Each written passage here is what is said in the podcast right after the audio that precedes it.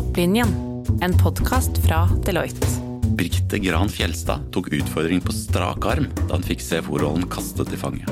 Tre år senere er Norønas finansdirektør godt i gang med å sondere nye markeder og utforske digitale mulighetsrom, med en uttalt selskapsstrategi om å være i konstant endring. Hvordan former dette rollen hennes, og hva er den viktigste ingrediensen når Birgitte skal lage den råeste og mest fremadrettede økonomiavdelingen?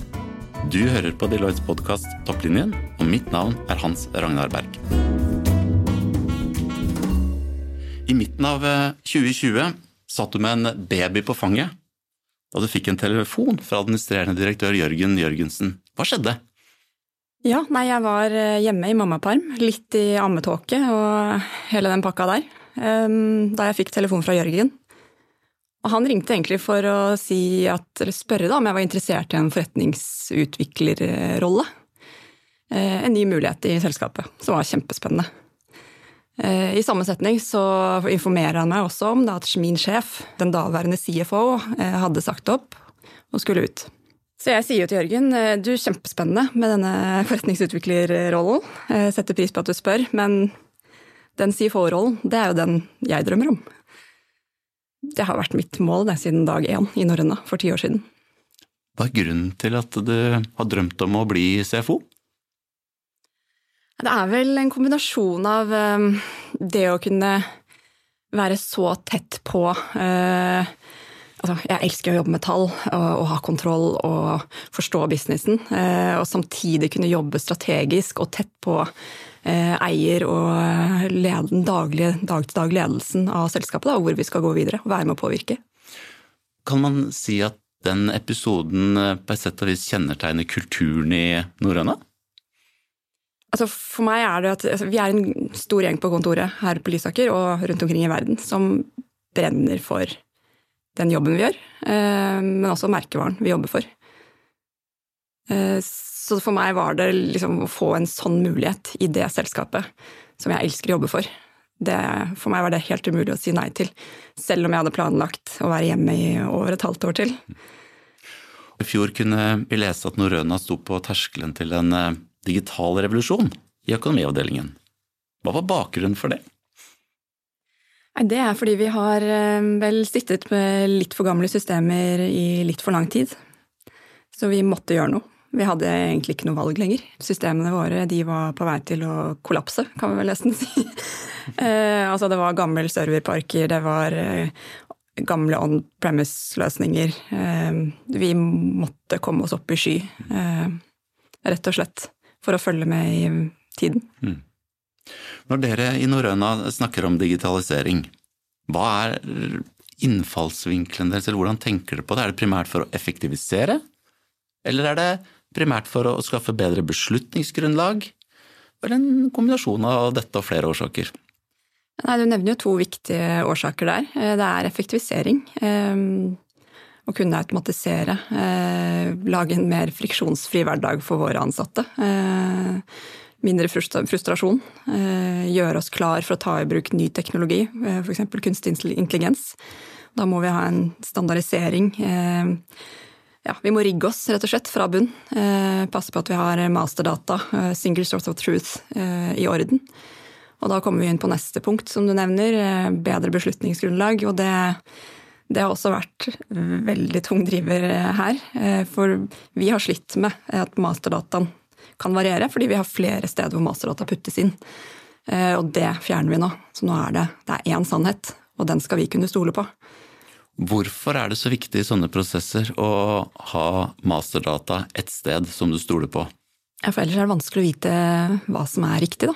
Så blir det mye jobb på noen som må sitte og passe på at det blir riktig. Som du sier, det er mange kilder til sannheten, og data må flyttes istedenfor at, at data flyter gjennom systemene. Litt tilbake til um, dere satt der og, innså at det var altfor mye manuelle prosesser og mange kilder til uh, dataene. Hvor starta dere? ERP er jo kjernen. Eh, et, vi måtte ha et nytt kjernesystem eh, som skulle opp i skyen. Så det var jo første steget. Eh, og klok av skade, vi hadde jo prøvd å bytte ERP-system tidligere, men det havarerte. Så klok av skade så har vi jo rigget oss internt med den kompetansen vi trenger for å kunne gjennomføre et ERP-prosjekt uten å bare være avhengig av konsulenter eksternt. Så vi har bare noen utrolig dyktige folk som er prosessspesialist, har ERP-erfaring internt, som bare ser hele bildet. Og det er utrolig kult å jobbe med sånne personer. Hvor, kan du si, hvor langt har dere kommet på reisen? Fra dere satt der og, og innså at her må vi gjøre noe, dere tar tak i ERP-systemet. Liksom, hvor, hvor, hvor, langt er det på vei? Nå er vi live med nytt ERP, nytt fakturahåndteringssystem.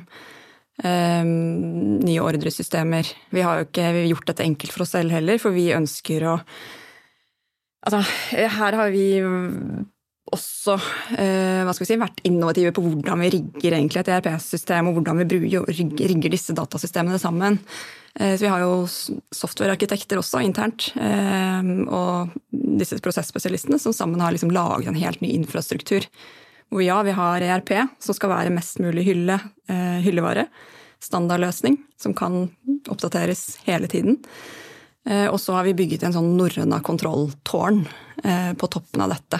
Så all informasjon måte utenfra, sånn ordre, eh, lagerinformasjon, det skal gjennom dette kontrolltårnet først. Og valideres. Tilgjengeligheter skal kontrolleres. Og når vi har på en måte fasiten på hva ordren ble, så sendes den inn i ERP-systemet vårt. Og da er liksom fasiten lik. Og den vet vi hva er. Og så tror jeg jeg har lest at dere også har tatt i bruk AI på enkelte områder innenfor økonomifunksjon. Kan du si noe mer om det? Ja. Eh, vi har begynt å ta det i bruk på fakturahåndtering. Så det kjørte vi jo i gang samtidig som dette ERP-prosjektet. Da var det å finne en ny fakturahåndteringsleverandør. Da landet vi på Semine. Eh, det, et, altså det systemet er bygget på en helt ny måte enn de mer tradisjonelle fakturahåndteringssystemene. På en ny, moderne lest som, hvor du kan benytte AI. Eh, så vi valgte å gå med dem. Eh, kjempespennende. Her har vi også liksom satt på en intern ressurs som 100% jobber med dette, for å sikre at vi faktisk får ut de effektene vi ønsker av det systemet. Det er utrolig spennende. Så jobber vi med å det tar jo litt tid da, å få lært opp disse modellene, eh, hvordan det skal flyte sånn som vi ønsker. Eh, så det er en prosess. Prøvd å forberede organisasjonen på det, at det er ikke bare å plugge inn AI, og så er liksom hele hverdagen eh, løst. Dette er en prosess som tar tre, seks, tolv måneder før, virkelig, før du virkelig ser effekten av det. Du fortalte meg her forleden da vi prata sammen at du har som mål å utvikle flere roboter på flere områder som skal ledes av å jobbe sammen med menneskene. Hvordan tror du økonomifunksjonen i Norrøna anno 2035 ser ut i forholdet mellom mennesker og roboter? Og det, det, er et veldig interessant spørsmål. Jeg vet ikke ennå, men det kommer til å være en god, god miks av mennesker, roboter eh, og ny teknologi. Eh, så det blir veldig spennende, men det er det, nå rigger vi oss for å kunne ta i bruk ny teknologi. Og det som blir spennende nå når vi lander liksom de nye prosessene, det er å se hva er det vi har igjen av manuelle prosesser. Og da har vi også en utrolig kul inhouse-ressurs som er ekspert på digitale roboter. Så hun skal komme inn i økonomifunksjonen når vi nå har eh, landet litt, og begynner å plukke disse prosessene, og så putter vi på roboter der det er mulig. Så det er som jeg sier til teamet, da, vi skal ikke bare være oss øh, åtte, men vi skal være oss åtte pluss en gjeng roboter.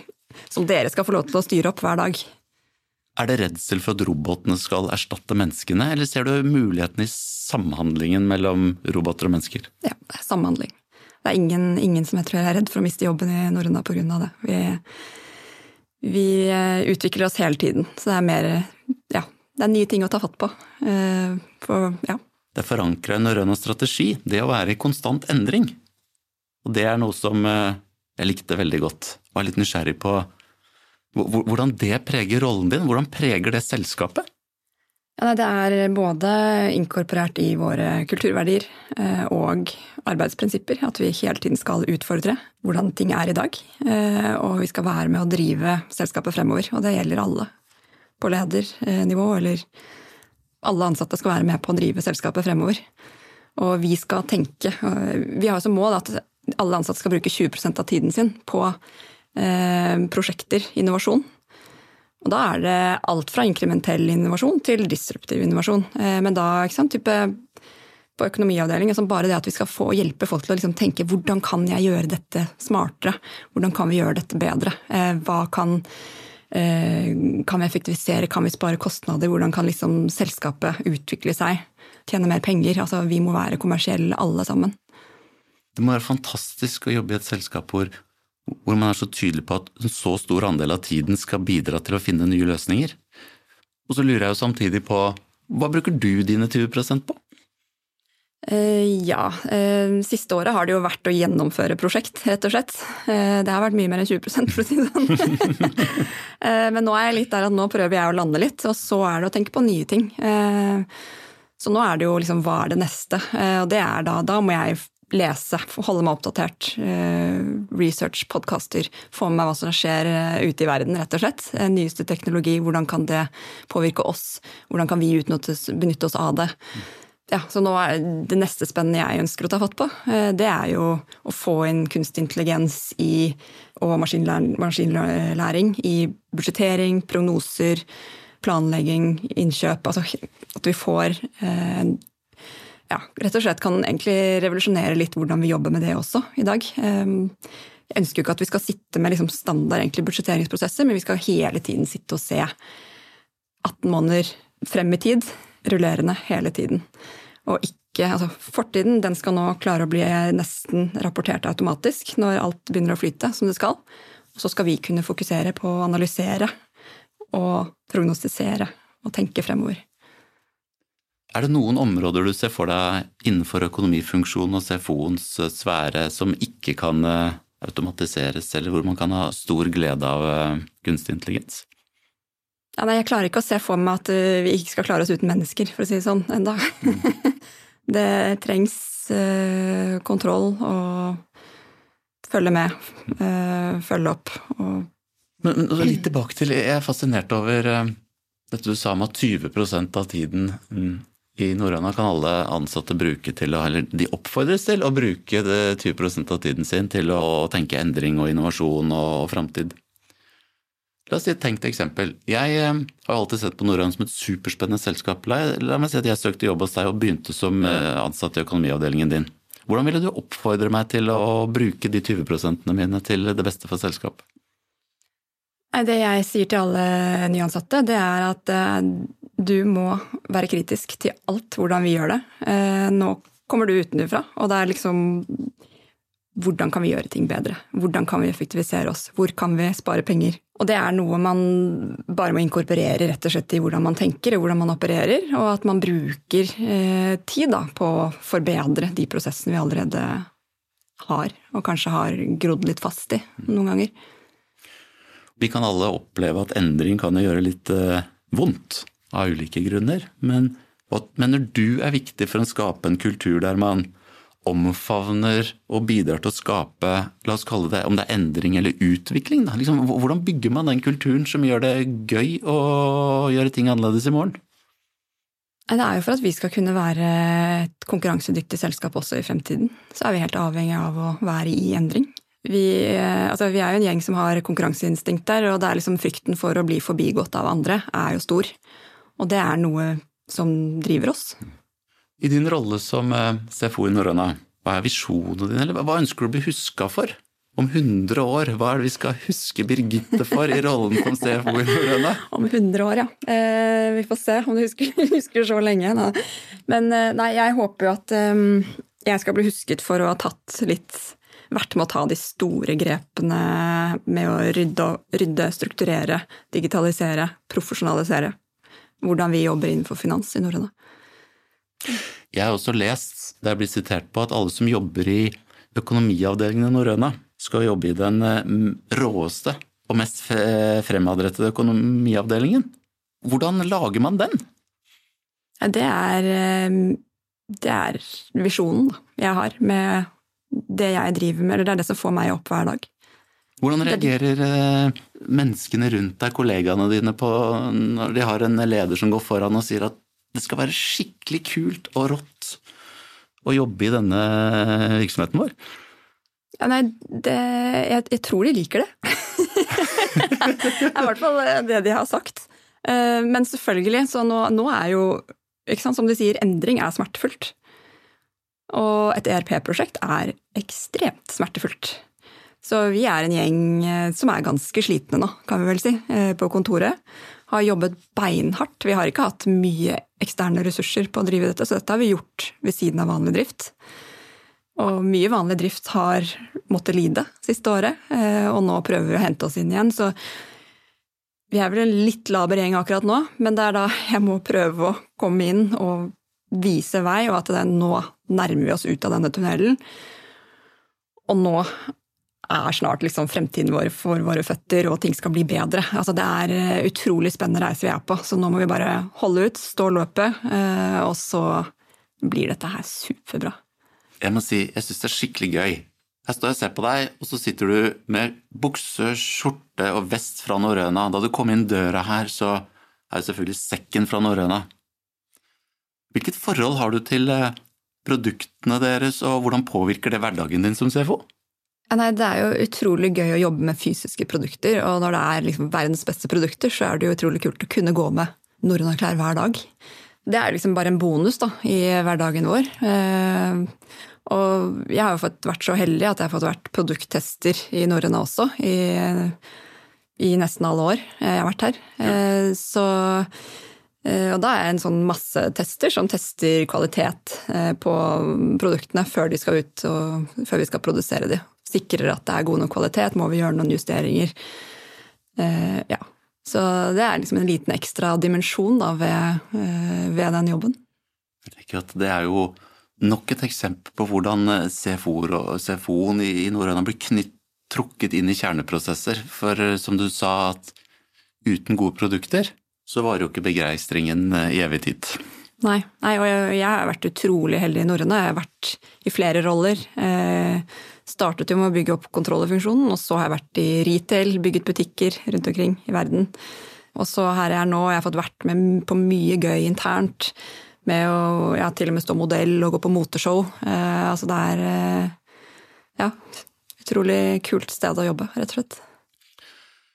Hvis vi tenker eh, over i forhold til Norrønas eh, verdikjede, så vil jeg jo anta at også dere er eh, veldig opptatt av kontroll på verdikjeden. Fra ende til eh, den ene enden til den andre. Og For noen år tilbake så prøvde dere å sette ut produksjon av prototyper til Asia, hvis jeg ikke tar feil. Noe som ikke er uvanlig i bransjen deres. Hva skjedde da? Ja, nei, Det er en del år siden nå, eh, men da, det som skjedde da, var at vi mistet kontroll på kvaliteten av produktene våre. Så det ble reversert relativt fort. Og så har vi en full prototypefabrikk på Lysaker. Hva var det som gjorde at dere mista kontrollen? Var det avstand, eller var det andre faktorer?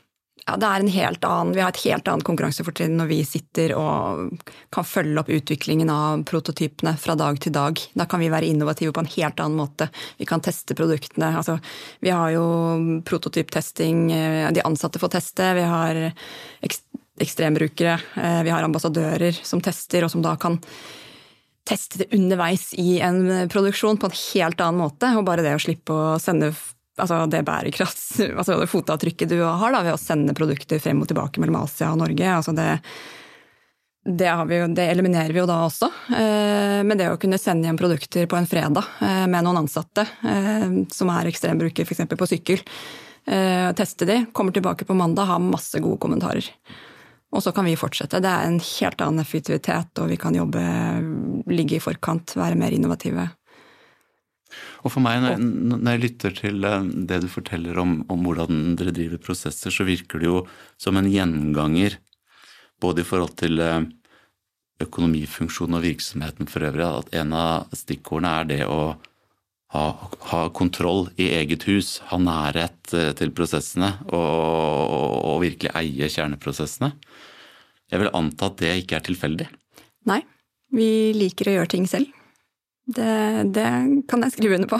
og det er jo veldig inspirerende i en tid hvor, hvor, hvor, verden på mange måter blir mindre og mindre, hvor, hvor noen som er så tydelige og så gode på, på å sette seg i førersetet og eie egen framtid. Og det er jo også en av bakgrunnen til vi også har vertikalisert oss nedover i verdikjeden. Så vi har jo ikke bare eh, prototypefabrikk, men vi har jo også vår helt egen fabrikk i Litauen nå, som, vi, som startet å produsere i 2020. Så da har vi egentlig hele verdikjeden fram til vi selger produktene.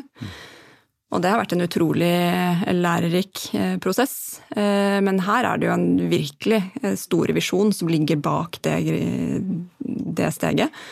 Og det er at vi ønsker å automatisere produksjon. Vi ønsker å minimere eh, waste. Eh, altså, skal vi eh, klare å drive denne tekstilbransjen i riktig retning, så må vi også være med på eh, produksjonsprosessen og drive den i riktig retning. Så vi jobber nå, eh, vi har store prosjekter som går nå, med å utnytte mønstrene altså på stoffene så optimalt som mulig, så det blir minst mulig avfall. Eh, fra det vi kutter, eh, og at mønstrene er så optimale som mulig, så det kan automatiseres i en produksjonsprosess. Og det ultimate målet her er jo å kunne egentlig automatisere hele tekstilproduksjonen, så du kan flytte produksjonen hvor som helst i verden, der etterspørselen er. Så vi kan operere med en helt annen ledetid på produkter. Se for deg bare sånn eh, Se for deg at vi har en maskin da, som egentlig printer et på et hvitt stoff så kan du printe hva skal vi si, ut et produkt med riktig farge som kunden har etterspurt. Da begynner vi å snakke om eh, bedringer i klimaavtrykket, i hvert fall. På og det leder meg inn på en annen ting jeg er veldig fascinert over eh, med Norrøna. Du nevner det jo, og, og, jeg vet at dere er veldig opptatt av bærekraft som tema. Og hvis jeg ikke tar feil, så har jo Norrøna drevet med reparasjon av klær i lang, lang eh, tid. I 100 år, bortimot. Og jeg leser i eh, annonsene deres rundt omkring i ulike medier at eh, dere forsøker å lage klær som skal tilnærme ha evig levetid. I hvert fall veldig, veldig eh, høy kvalitet. Kan du si noe mer om hvordan dere tenker og hvordan bærekraftstankegangen preger Norrøna i, i, i, hverdagen, og også nå på vei inn i Norrøna House, som jeg vet dere eh, har store ambisjoner for, og jeg gleder meg til å se ferdig, som, som eh, snart står ferdig på Lysaker. Bærekraft det gjennomsyrer alt vi gjør, og det er eh, ja, noe av det som veier aller, aller tyngst hos oss, og det har det gjort siden vi startet i 1929. Så vi har jo drevet med reparasjoner siden da, og reparerer ca. 15 000 produkter i året nå. Og kvalitet er jo noe av det aller viktigste vi gjør for å drive bærekraftig. Og det er jo derfor også, når vi snakket om disse med å lage prototypene in-house selv, det er jo et bærekraftstiltak å lage så gode som mulig produkter selv. Det å ha en egen fabrikk hvor vi kan styre kvaliteten på en enda bedre måte, det er også viktig eh, for oss. Eh, og så er det jo dette Nå jobber vi jo med et utrolig spennende prosjekt også. Eh, Norrøna Re, eh, som vi går live med også i høst i forbindelse med åpningen av Norrøna House. Vi har over de siste årene da sendt alle reklamasjoner til fabrikken vår i Litauen. Og der blir de reparert, fikset på, altså de er som nye produkter. Og vi kan selge de igjen ute i markedet. Og dette her er produkter, og dette her er virkelig store synden innen tekstil, og det har dere jo sett i ganske mange medier sikkert, med berg av tekstiler som ligger rundt og forsøpler eh, rundt omkring. Eh, dette ønsker vi å være med og stoppe. Så mm, dette er noe av det viktigste vi gjør fremover også. Det er å få på plass en full sirkulær, sirkulær modell med alt det innebærer innenfor re-sfæren. Eh, så det blir veldig spennende med når vi åpner Nordna House. Eh, I november eh, blir det. 2023. Da blir det en full flagship store. Det blir en outlet-del, og så blir det en brukthandel. Hvor vi da får disse produktene tilbake fra fabrikken i Litauen og kan selge disse. Birgitte, når vi snakker om fremtiden, så er det jo utrolig interessant å, å se hvordan Norrøna investerer inn i en ny bransje som, som, som, reiselivsbransjen. Kan du fortelle noe mer om tankene og planene med det? Vi ønsker jo ikke bare å sikre at kunden har gode kvalitetsprodukter, men vi ønsker også å kvalitetssikre at selve naturopplevelsen til kundene våre er eh, rå, rett og slett. Eh, så vi har jo eh, investert i reiselivsselskapet Hvitserk over de siste årene. Og i tillegg så driver vi nå og ser på eiendommer i Nord-Norge, så vi har kjøpt noen eiendommer og ser på noen til. Så vi ønsker å lage et nettverk av lodger eh, i området fra Bodø til Tromsø. Og da ser vi for oss at vi altså Det er en type pakke hvor vi flyr kundene inn til f.eks. Bodø. Frakter de fra lodge til lodge på sjøveien eller landveien, eh, alt ettersom. Um, og på hvert sted så er det eh, guidede turopplevelser av et eller annet slag. Være seg om det er um, topptur, sykling, padling, fisking, hvalsafari, nordlys. Uh, altså hele pakken. Um, og på hver lodge så skal det selvfølgelig de skal være, det skal være bygget så bærekraftig som mulig. Minst mulig inngrepen i naturen. Så stå gjerne på påler. Canvashjorter. Ja, eh, det skal være lokal mat, matproduksjon. Involvere lokalsamfunnet. Altså få en skikkelig god greie. Eh, nå er jo ikke tekstil, Verken tekstilbransjen eller reiselivsbransjen er jo kjent for å være eh, de mest bærekraftige bransjene som fins, akkurat. Men vi ønsker å være med på å gjøre det mer bærekraftig enn det det er. Og også innenfor reise ønsker vi det. Så det å lage gode alternativer. og her kan vi jo spille på mange ting. For I Nord-Norge så er det et stort problem med kråkeboller, f.eks. langs kysten. Mm. Som gjør at tareskogen forsvinner. Mm. I dette prosjektet så kan vi også gå inn med da, ok, skal vi være med å rydde eh, strandsonen for kråkeboller, f.eks. Altså for å redusere hele fotavtrykket på turopplevelsen. Da. Mm. Som CFO, hvordan tenker du og dere i norrøna at eh, bærekraft og bærekraftsrapportering henger sammen med digitalisering? Digitalisering er jo en nøkkel for god bærekraftsrapportering. Hvordan ser du for deg at du som CFO og din økonomiavdeling eh, vil bli involvert i dette på veien videre? Bærekraftsrapportering er jo et kjempeområde, eh, og der kommer det jo bare flere og flere krav for hvert år som går. Vi har jo heldigvis et team in-house som jobber med dette daglig og har gjort det i mange år allerede. Vi er vi har ligget eh, i forkant på den rapporteringsbiten. Eh, så da disse kravene kom, så er det ja, kjempejobb å få det sammen, men vi var godt forberedt. Og så sitter vi hele tiden og følger med på den eh, nye lovgivning som kommer nå. Og nå, det kommer jo masse nye krav fra neste år og året etter som vil fange oss også inn i et enda eh, mer krevende bærekraftsrapporteringshjul. Mm. Som vi er helt avhengig av å ha folk som jobber med dette på heltid. Mm. Og vi ser jo, Når vi i Deloitte også er ute og, og, hjelper kundene våre med bærekraftsrapportering, så ser vi nettopp det du sier, at dette er et eh, stort og krevende område. Og jeg tror eh, det meste av læringen ligger foran oss. Ja, og så er det, det er bare superkrevende nettopp å få den, og klare å bare skaffe en baseline da, på hva er, hva er fotavtrykket vårt. Så det har vi brukt nå flere år på. Og vi så jo det at ja, vi trodde vi hadde dette CO2-avtrykket, eh, men så viser det seg året etter at når vi får gjort enda nærmere undersøkelser, så var plutselig det tallet ganske mye høyere. Så vi har egentlig ikke gjort noen besparelser fra eh, det ene året til det andre, fordi vi har bare egentlig justert opp baseline vår. Mm. Så det å finne faktisk klare å få fatt i dataen er jo et kjempeproblem. og, og liksom, fordi vi jobber jo med fabrikker eh, i Asia, Europa det er tekstilleverandører ikke sant? Eh, fra rundt omkring i verden. Det er en stor verdikjede som du skal klare å ha kontroll på. Mm, absolutt. Der igjen er den vertikaliseringen nedstrøms. Da. Den forenkler jo dette arbeidet veldig. Så det å ha vår egen fabrikk, der er det utrolig mye lettere å rapportere bærekraft mm. og i henhold til åpenhetsloven enn det er med fabrikkene i Asia, hvor vi har et mye større informasjonsineffisiens. Mm. Det er et veldig godt poeng. Så tenker jeg hvis vi skal begynne å nærme oss eh, innflyvningen, og så tenke tilbake eh, til temaene vi har berørt, annet dette å skape en kultur for endring og utvikling, det å digitalisering eh, og, veien videre, men også ta tak i utfordringer som ligger på bærekraftsområdet. Ofte så hører vi jo at vi er flinke til å dele suksesshistorier. Men personlig så tenker jeg at noe av de største, kanskje mest smertefulle læringsøyeblikkene mine har jo vært eh, når jeg har oppdaget at jeg burde gjøre ting annerledes neste gang. Hva er den mest eh, verdifulle feilen du har gjort opp igjennom? Jeg tror vel eh, Jeg har lært mye siste året med tanke på det prosjektet vi har vært igjennom nå, med bytta ERP-system og andre systemer.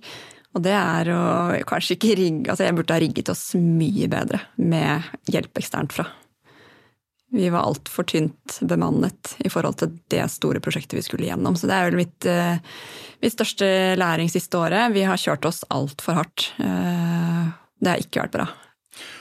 Og til alle de som sitter der ute og kanskje har tatt fatt på CFO-karrieren, eller kanskje sitter og drømmer om å bli CFO en eh, dag. Med alle de mulighetene som ligger innenfor CFO-agendaen på veien videre, hva, hva er ditt beste råd til de som drømmer om å lage Birgittes versjon av den råeste og mest fremadrettede CFO-funksjonen rundt omkring? Nei, det er å ehm, være på, rett og slett. Følge med, være nysgjerrig. Være sulten, holde seg oppdatert uh, innenfor det fagområdet og hvor verden beveger seg. Og tenke liksom hvor kan denne rollen utvikle seg. Det er utrolig mye spennende på trappene. Og vi har jo ikke snakket om blokkjedeteknologi, f.eks. Og det mm. mulighetsrommet som ligger innenfor det også, som muligens også kan revolusjonere hele regnskapsføringen eh, innenfor finansfunksjonen. Mm. Vi ser jo at flere selskaper i teknologibransjen ser mot nettopp blokkjede for å holde kontroll på verdikjeden. Liksom, hva er Norønas planer på det området? Ja, nei, vi har ikke noen uttalt strategi på det eh, som vi har satt, men vi følger med, kan vi vel si. Og utrolig spennende. og Vi ser jo de store altså Louis Vuitton bruker jo det for å holde kontroll på verdikjeden, sporbarhet, eh, hindre forfalskninger etc. Men det er jo også eh, ikke bare verdikjeden, det er også masse muligheter rent innenfor da regnskap, dokumenthåndtering, faktura. Altså det er eh, utrolig spennende område, men det er spennende å se hva som kommer til å skje. Men da må jeg, Birgitte, få si det har vært en ære og jeg må si tusen, tusen takk for at du ble med i denne episoden av Topplinjen. Og syns du denne samtalen var interessant? Trykk gjerne abonner for ikke å gå glipp av kommende episoder. Og har du spørsmål eller ønsker råd om problemstillinger vi har tatt opp her, så kontakt oss gjerne på cfo at deloitte.no, eller snakk med meg på LinkedIn. Der er det stort sett alltid åpent. Du har hørt en podkast fra Deloitte. Programleder er Hans Ragnar Berg. Episoden er spilt inn i Deloittes podkaststudio Nadia Faris og klippet av Truls Johansen. Resten av topplinjen er Charlotte Forlund Gunnhus og Mina Grimstad Karlsen. Vil du bli bedre kjent med våre CFO Services? Trykk på lenken under episoden, eller se mer på cfo.deloitte.no.